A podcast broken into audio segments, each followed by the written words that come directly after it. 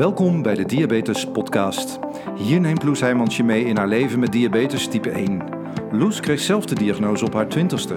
Nu is ze auteur en spreker over leven met diabetes type 1. Naast haar eigen verhaal beantwoordt Loes ook vragen van luisteraars, gaat ze in gesprek met experts en deelt ze de nieuwste ontwikkelingen op diabetesgebied. Hier is jouw inspiratieshot voor deze week. Dit is de Diabetes Podcast. Welkom en leuk dat je luistert bij weer een nieuwe aflevering van de Diabetes Podcast. Ja, het is alweer even geleden en uh, nou, er zijn wat dingen veranderd. Uh, ik uh, kreeg wat opmerkingen over het geluid en terecht de afgelopen afleveringen. Dus, dus daar heb ik aan gewerkt. Als het goed is hoor je dat nu en kun je lekker rustig luisteren. Want vervelend geluid, dat moet je natuurlijk niet hebben bij een podcast. En um, ja, het is ook gewoon even geleden door bepaalde omstandigheden die zich voordeden. En eigenlijk precies daarover wil ik deze um, podcast gaan maken. Namelijk hoe um, ja, soms in één klap je wereld even stil kan staan door een bepaalde gebeurtenis. En hoe je diabetes, al lijkt je op de aller, aller, allerverste achtergrond uh, in dat geval, uh, ja, dan soms toch nog even um, ja, het podium kan pakken, om het maar even zo te zeggen. En daarvoor wil ik je meenemen naar uh, begin deze maand.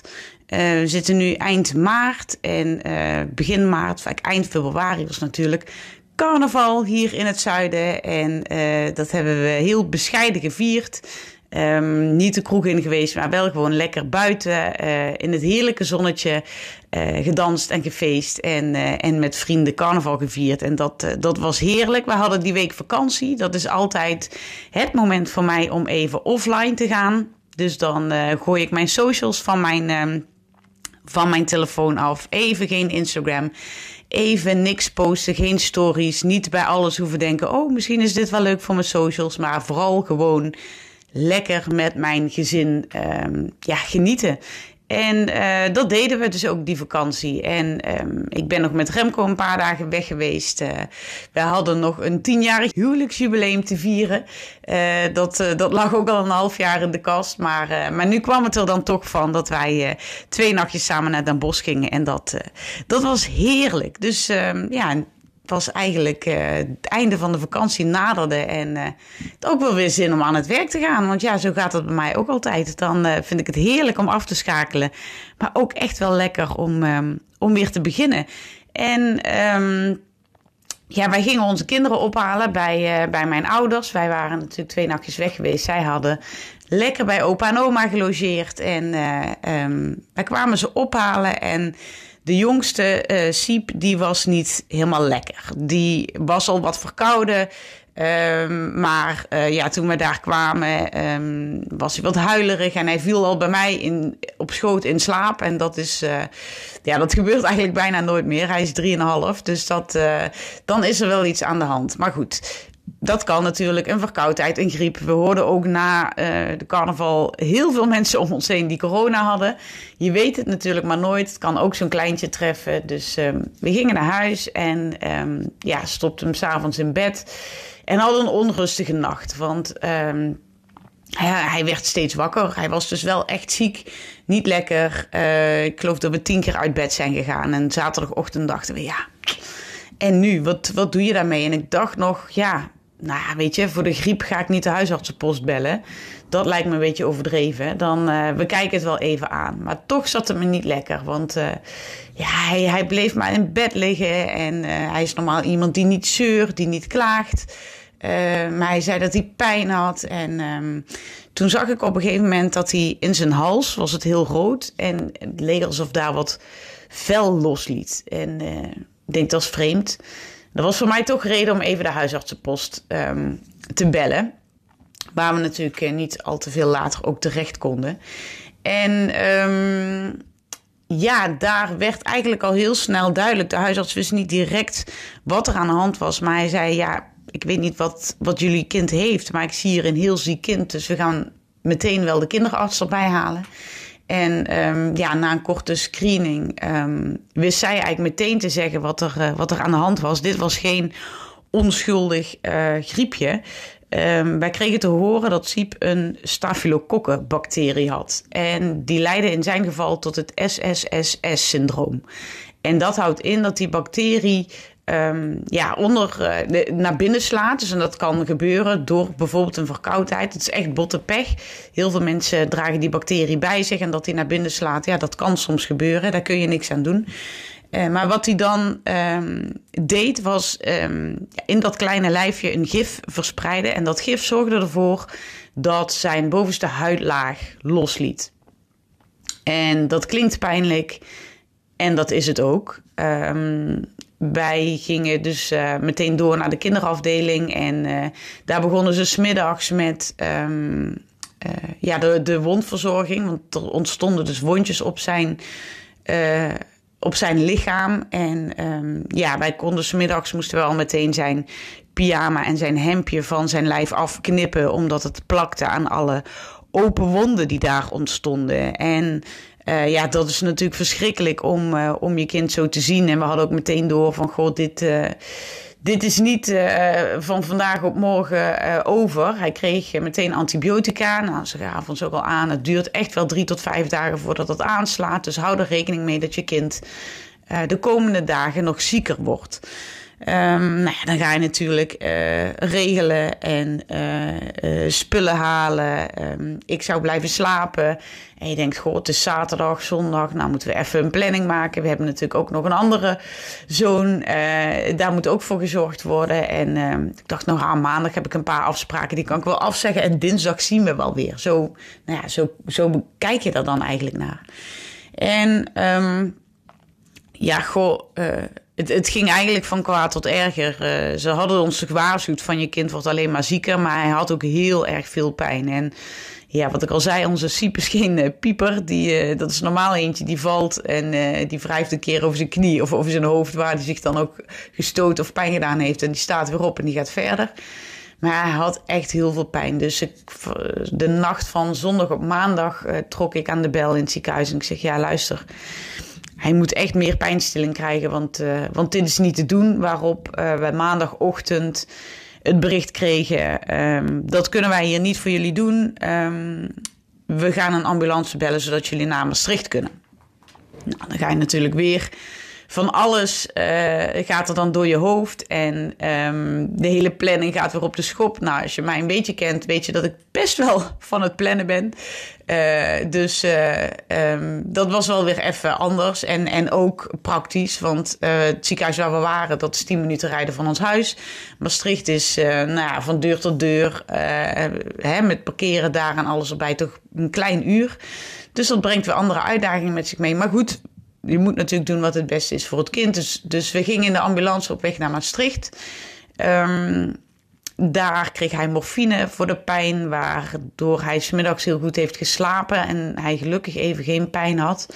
Wel weer heel misselijk daarvan werd en hij werd s'avonds onder narcose gebracht, zodat ze zonder pijn uh, zijn wonden konden verzorgen, die inmiddels over, nou, ik denk zo'n 70, uh, 70, 80 procent van zijn lichaam zaten. Dus je moet je voorstellen, als je een klein wondje hebt, wat, wat voelt als een soort brandwond, wat de echte bovenste huidlaag weg is. Dat was nu in, ja, bijna 80 procent van zijn lijf zag er zo uit. En um, uh, nou, Remco, mijn man, die was uh, die middag inmiddels alweer terug naar huis uh, voor de oudste zorgen. En ik zat op ons kamertje in Maastricht te wachten tot, um, totdat ze me terugkwamen halen, totdat hij uit narcose kwam. En ja, toen kwam eigenlijk het bericht. Uh, kwamen twee artsen mijn kamer op. Uh, die zeiden van. Ja, goh, dit was een scenario wat we niet hadden voorzien. Maar uw zoon heeft zoveel pijn dat we hebben besloten om hem uh, in slaap te houden op de IC. Dus dat was wel echt, nou ja, shocking. Bedoel, binnen 2,5 dag van even naar de huisartsenpost naar inkomen op de IC voor een kind van 3,5. Dat is natuurlijk best wel heftig. En um, nou ja, dan ging mijn planning weer. Klinkt stom, maar ik had uh, al op de kinderafdeling mijn hele, de hele kamer alweer ingericht. De tekeningen en de kaarten alweer op het prikbord gehangen. Eh, de kastjes en de koelkastjes ingericht. En uh, hè, me gezetteld van, nou, dan is dit ons onderkomen voor de komende dagen. En uh, nou, kon daar de hele week weer inpakken en verkassen naar de IC. Um, Ja, dat is gewoon heel heftig. Als je daar uh, je kind ziet liggen aan de beademing en zonder voeding en met katheter. En uh, nou, dat is, dat, is gewoon heel erg heftig. Dat staat echt op je netvlies uh, gebrand. En um, ik had daar kunnen blijven slapen op de IC, maar zag meteen hier ga ik geen oog dicht doen aan alle toeters en bellen en ja, artsen en verpleegkundigen die daar ieder half uur uh, alles bij hem moeten komen controleren en instellen. En, uh, dus ik, um, ik kon terecht in het Ronald McDonald huis, wat heel erg fijn was. Dat het een plek is van, waar je natuurlijk liever nooit wil komen, maar als je er dan toch gebruik van moet maken, dan, uh, dan is dat echt enorm fijn. Er overviel me echt in heel groot gevoel van dankbaarheid toen ik daar die maandagavond binnenkwam. En um, ja, dinsdag weer uh, natuurlijk terug naar de IC. En ik weet nog dat ik toen. Uh, er zijn natuurlijk heel veel mensen die al op de hoogte waren, die meeleven. En ik weet dat, dat iemand mij een appje stuurde van... Goh, wat zul jij nu blij zijn met je loopsysteem... die nu even gewoon jouw diabetes fixt. En um, ja, dat was natuurlijk ook zo. Al kon ik daaraan zien dat, dat die het er ook lastig mee had. Want ik zat toen volgens mij op een waarde van 14... wat voor mij als looper best wel hoog is. Maar goed, alle stress en spanning die uh, dit hele uh, avontuur met zich meebracht, dat is natuurlijk uh, niet niks. En daar moest mijn loop ook even aan wennen. Maar zeker was ik daar blij mee, want het is ook ja, qua eten, weet je wel, je hebt A, geen honger, uh, omdat je zo in de stress zit. B, je neemt je niet de tijd om te eten, want als je al even, um, nou, als ik dan even ging lunchen in het Ronald McDonald huis of in het restaurant van het ziekenhuis, dan dacht ik alleen maar, oh, ik wil terug naar Siep. Dus het is allemaal zo um, hectisch en, en je bent maar met één ding bezig en dat is gewoon er voor je kind zijn. En, en dat doe je ook. Dat is ja, natuurlijk je oerkracht als moeder, als ouder, die, die in je naar boven komt. En, en dat is dan het enige dat telt. Ook dat ik straks zei van. Goh, ik was nog aan het kijken in mijn agenda van dinsdag had ik nog een afspraak die op zich wel belangrijk was. Maar op zo'n moment kijk je in je agenda en denk je, hoezo geen enkele van deze afspraken zijn belangrijk? Helemaal niks. Alles kan uit de agenda, klaar, weg ermee alleen maar hier zijn uh, voor hem, dat is telt.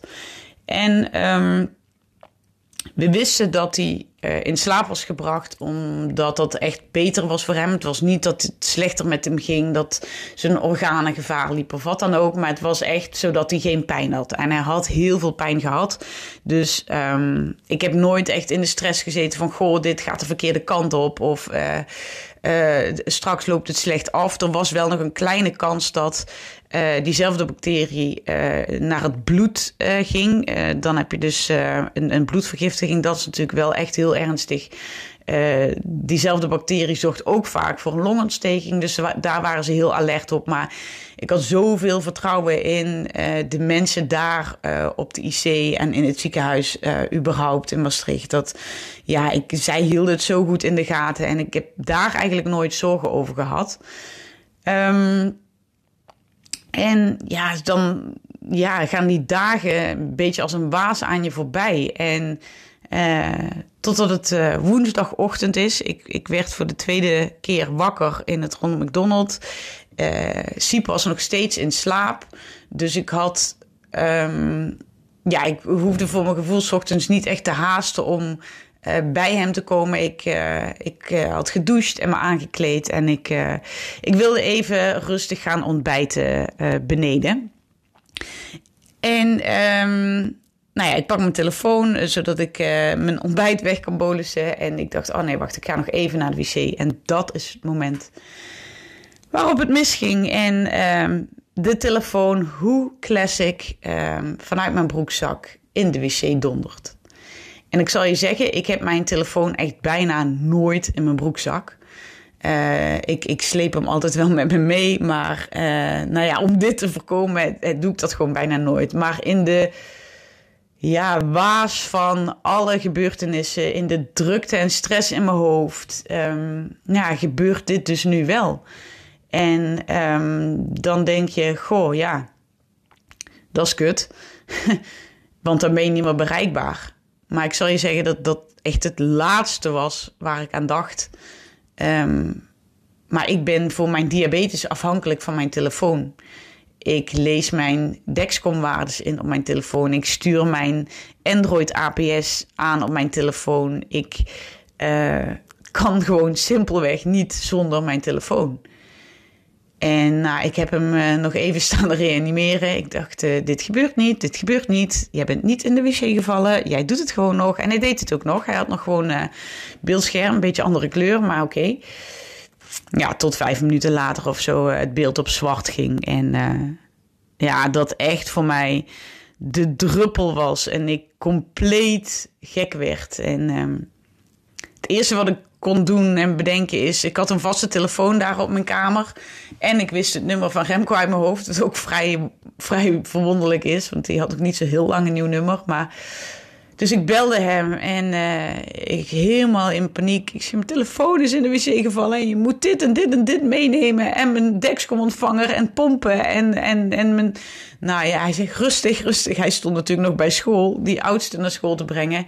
Ik loop nu naar huis, schrijf op wat je nodig hebt en bel me dan terug. En um, uh, het tweede wat ik deed was... Um, ja, Theo een mailtje sturen. Theo is degene die mij altijd heeft geholpen met... Uh, met het installeren van APS of als ik vragen heb of als ik als niet-techneut even helemaal niks meer snap van het loepen, dan is Theo altijd mijn, uh, mijn vraagbaak en mijn reddende engel. En um, ik had mijn laptop bij. Uh, niet om te werken, maar wel om uh, wat dingen in de gaten te kunnen houden. En uh, nou, trouwens, hij was in eerste instantie wel meegenomen om te werken.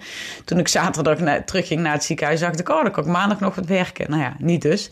Maar ik had mijn laptop bij en dat was mijn geluk, want nu kon ik Theo ook een mailtje sturen. Theo, help, dit is er gebeurd. Wat moet ik doen? En, en kun jij me helpen met, met Android enzovoort enzovoort. En uh, dit is het nummer van Remco. Dus uh, ik ben nu niet bereikbaar. Maar uh, als je ons kunt helpen, ja, bel dan. En nou, daarna belde ik mijn moeder. Want wat doe je als je, als je in de penarie zit? Je moeder bellen. Nou ja, die kon in elk geval heel hard met me meebalen. En, en ik kon even heel hard huilen. En daarna dacht ik, oh wacht, misschien heb ik nog ergens een mail waar ik het nummer van Theo in heb staan. Ik Theo bellen, pakt hij het op. Ik denk, potverdorie, Theo moet oppakken. Dus ik bel hem nog een keer. Hij zegt, ja, ik was net, ik had net Remco aan de telefoon. Oh, die schat, die had de mail dus al gezien. En, uh, en had Remco al gebeld. Um, ja, ik, uh, ik ga voor je aan de slag. En um, nou ja, wat moet je doen? Uh, heb je een nieuwe telefoon nodig? Ik denk, ja... Ja, dat, dat lijkt me wel. En mijn telefoon was nog steeds op zwart. Ik had wel het idee dat hij het nog deed. Want ik zag mijn mijn uh, Dexcom-waardes, die kreeg ik nog op mijn telefoon binnen. Uh, dus dat betekende dat er nog een connectie was met mijn, met mijn telefoon. Of op mijn horloge, sorry, die kreeg ik nog op mijn horloge binnen. Dus dat betekende dat er nog een connectie was met mijn telefoon. Maar ja, het beeld was op zwart, dus ik kon daar verder echt niks meer uh, mee.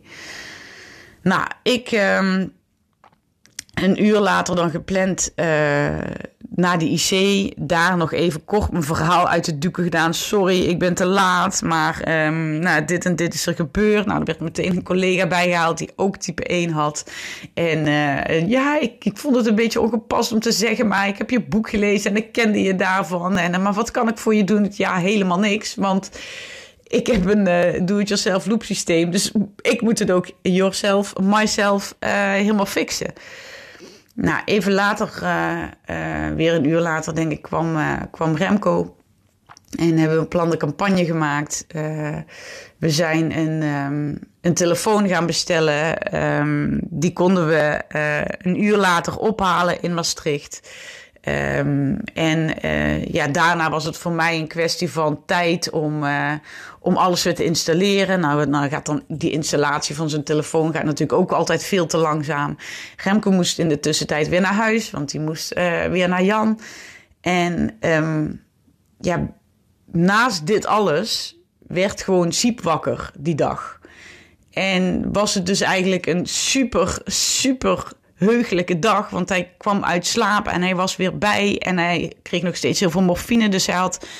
Uh, maar hij had geen pijn meer. En, en uh, hij kon weer met ons kletsen. En ja, het emotioneert me nog steeds als ik erover vertel. Omdat dat was eigenlijk de ommekeer in.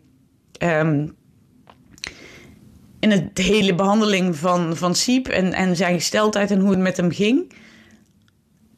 En mijn diabetes kreeg het voor elkaar om die dag gewoon de hoofdrol op te eisen. En man, wat heb ik dat verschrikkelijk gevonden. En nu, nu nog steeds, zoals je misschien aan mijn stem hoort je hoort toch overal die hashtag How can I make this about me? als het heel ergens anders over gaat, zo uh, het verhaal weten te draaien dat het toch over jou gaat. Nou, daar is diabetes dus echt een kei in.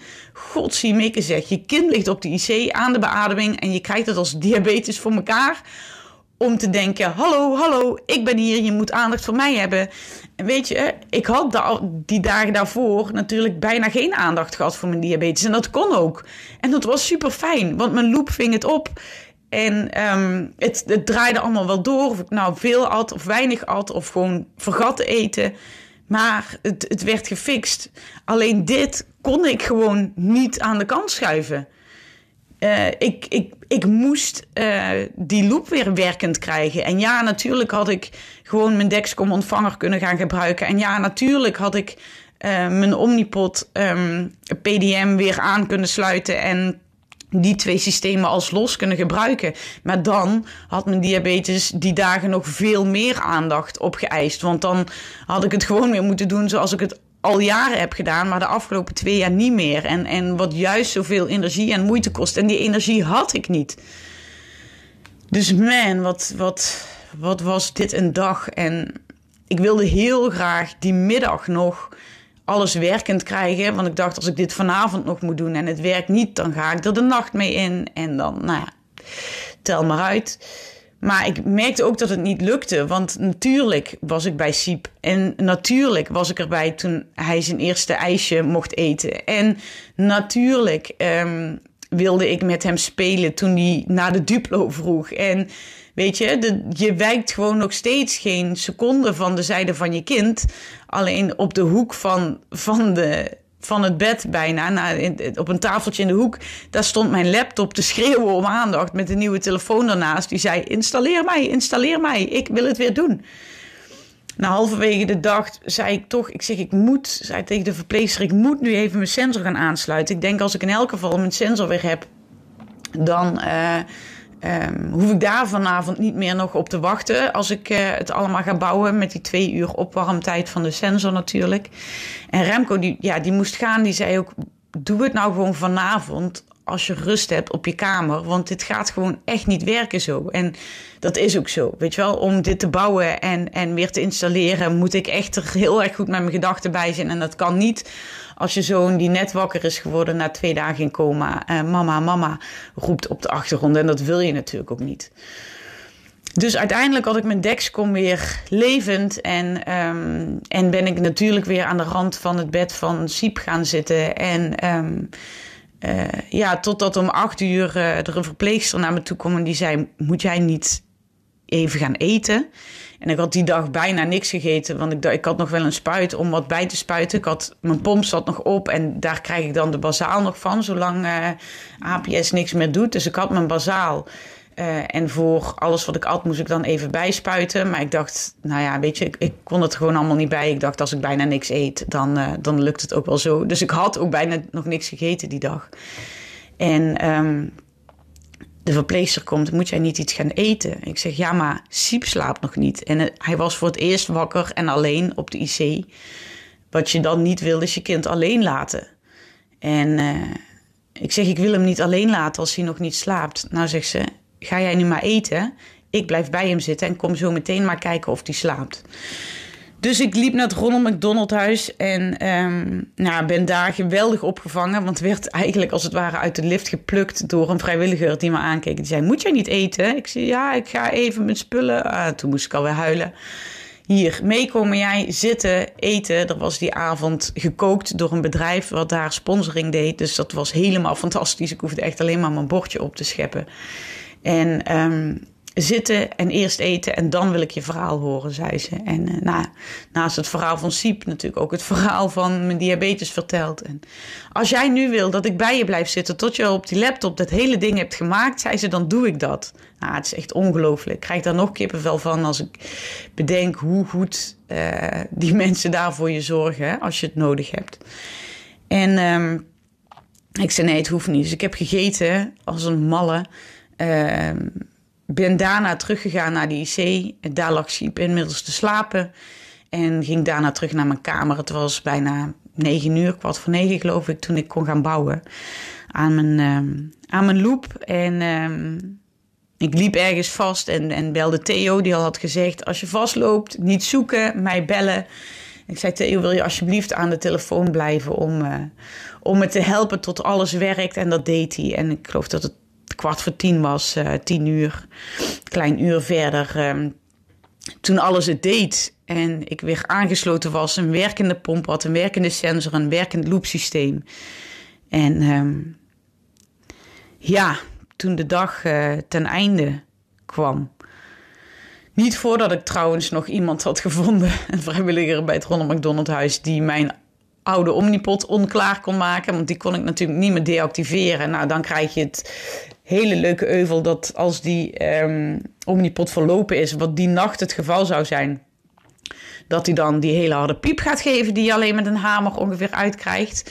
Dus dat hele verhaal moest ik ook nog even uitleggen aan, uh, aan een vrijwilliger daar. Die zei, oh laat dat ding maar hier, ik zorg wel uh, dat die, uh, dat die sneuvelt. Nou ja, goed, dat ook nog gelukt. En ehm, ja, uiteindelijk gaan slapen en donderdagochtend weer heel vroeg, want ik had Siep beloofd, ik ben er weer als je wakker wordt. Uh, weer heel vroeg aan zijn bed kon zitten en ja, alles weer um, wat rustiger werd. En mijn loop het in elk geval weer deed en Siep wakker werd en um, we spelletjes konden doen, het rustig aan beter met hem ging. En nou ja, uiteindelijk hebben we nog... Um, zijn nog vier dagen in het ziekenhuis geweest. Op vrijdag mocht hij al naar de kinderafdeling. En uh, zondags naar huis. Um, het gaat nu heel erg goed uh, met hem. Uh, het is een hele heftige ziekte die kindjes dus heel snel ziek kan maken. Het komt voor bij kindjes tot vijf jaar, omdat die nieren dat gifstof nog niet af kunnen breken.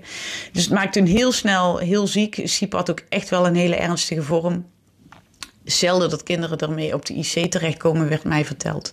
Maar ze herstellen ook weer uh, wonderbaarlijk snel. En uh, ja, je ziet nu bijna, bijna niets meer aan hem, overal waar hij zijn huid is verloren. Dus dat is, uh, dat is super fijn. En ja, voor mij is het um, best wel een heftige tijd geweest. Ik heb echt ook nog wel mijn rust genomen. Daarna ben nu weer langzaam mijn werk op aan het pakken. Maar ja, misschien begrijp je het als je het verhaal hebt gehoord en begrijp je het als je, als je zelf uh, diabetes hebt. Maar het feit dat, ja, wat ik zei, dat die diabetes dan echt gewoon zegt van nou, het is leuk allemaal, jij met je zieke zoon, maar we gaan het nu eens weer eens even over mij hebben. Ja, dat heeft er echt zo zwaar in gehakt. Uh, dat, dat, dat is, um, nou ja, diabetes is gewoon kut. En in, in dit soort gevallen nog uh, in het kwadraat. En ik zat me te bedenken, ik, ik, nou ja, diabetes heeft het natuurlijk al vaker voor elkaar gekregen. Hè? How can I make this about me? Uh, denk bijvoorbeeld aan mijn allereerste podcast Insuline in Las Vegas. Nog steeds de meest beluisterde aflevering en ik snap het ook wel. Um, daar kon ik achteraf nog wel, uh, wel om lachen, maar op dat moment ook echt serieus niet. Dus ik dacht, ik kan toch niet de enige zijn met dit soort verhalen. Wat is nou jouw verhaal waarin je denkt, nou, dit moment, dat diabetes, dat je nu dit moment uitkiest om goed in het eten te gooien, om een vakantie naar de knoppen te helpen, om uh, weet ik veel welk moment, een bruiloft, een begrafenis, een feest, een, een bevalling, om op welk moment dan ook de kop op te steken dat je denkt, ja, maar nu even niet en dan juist wel, en dat je er ook echt niet omheen kunt om daar aandacht aan te geven. Wanneer was jouw diabetes how can I make this about me moment? Ik wil het echt heel graag van je weten. En wat ik nou tof zou vinden, is als ik hier een deel 2 podcast over kan, uh, kan maken. Want um, ja, nogmaals, ik kan me niet voorstellen dat ik de enige ben die dit overkomt. Dus dan, uh, als je hier iets over wil vertellen, super graag. Dan kan ik je namelijk een linkje sturen. Dan kan jij jouw verhaal delen. En dan kan ik dat gewoon als audiofragment in de podcast zetten. En dan krijgen we straks een verzameling van bonte verhalen. Uh, waarin uh, een ieder zich waarschijnlijk herkent of kan denken: oh my god, dit nooit. Alsjeblieft, dit nooit. Uh, wil je dat doen voor me? Stuur me dan gewoon even op Insta een DM, loes.dumeimerdiabetes. Um, en refereer even naar deze podcast. Of stuur me een mailtje, info.loesheimans.nl. Dan geef ik jou een linkje. En uh, ja, kun je zo lang of kort als je wil je audiofragment uh, inspreken. En dan, dan verzamel ik al die verhalen tot een nieuwe podcast. Zou het echt heel tof vinden als we dat samen, samen kunnen maken. Nou, tot zover deze aflevering. Um, ja, van een heftig verhaal wat ik wel heel graag met je wilde delen. Omdat, nou ja, voor mij werkt het gewoon zo dat het delen van mijn verhaal ook echt uh, een verwerking is. En um, nou ja, misschien voor jou weer een um, ja, moment waarvan je denkt: oh mijn god, zo kan het dus ook. Het kan altijd nog erger. Uh, nee, maar ik wil vooral heel graag uh, ook jouw verhaal horen. Dus, dus laat me dat weten. Stuur me een berichtje en dan, uh, dan gaan we daar samen iets van maken. Dankjewel voor het luisteren van deze. En tot de volgende aflevering. Fijne dag.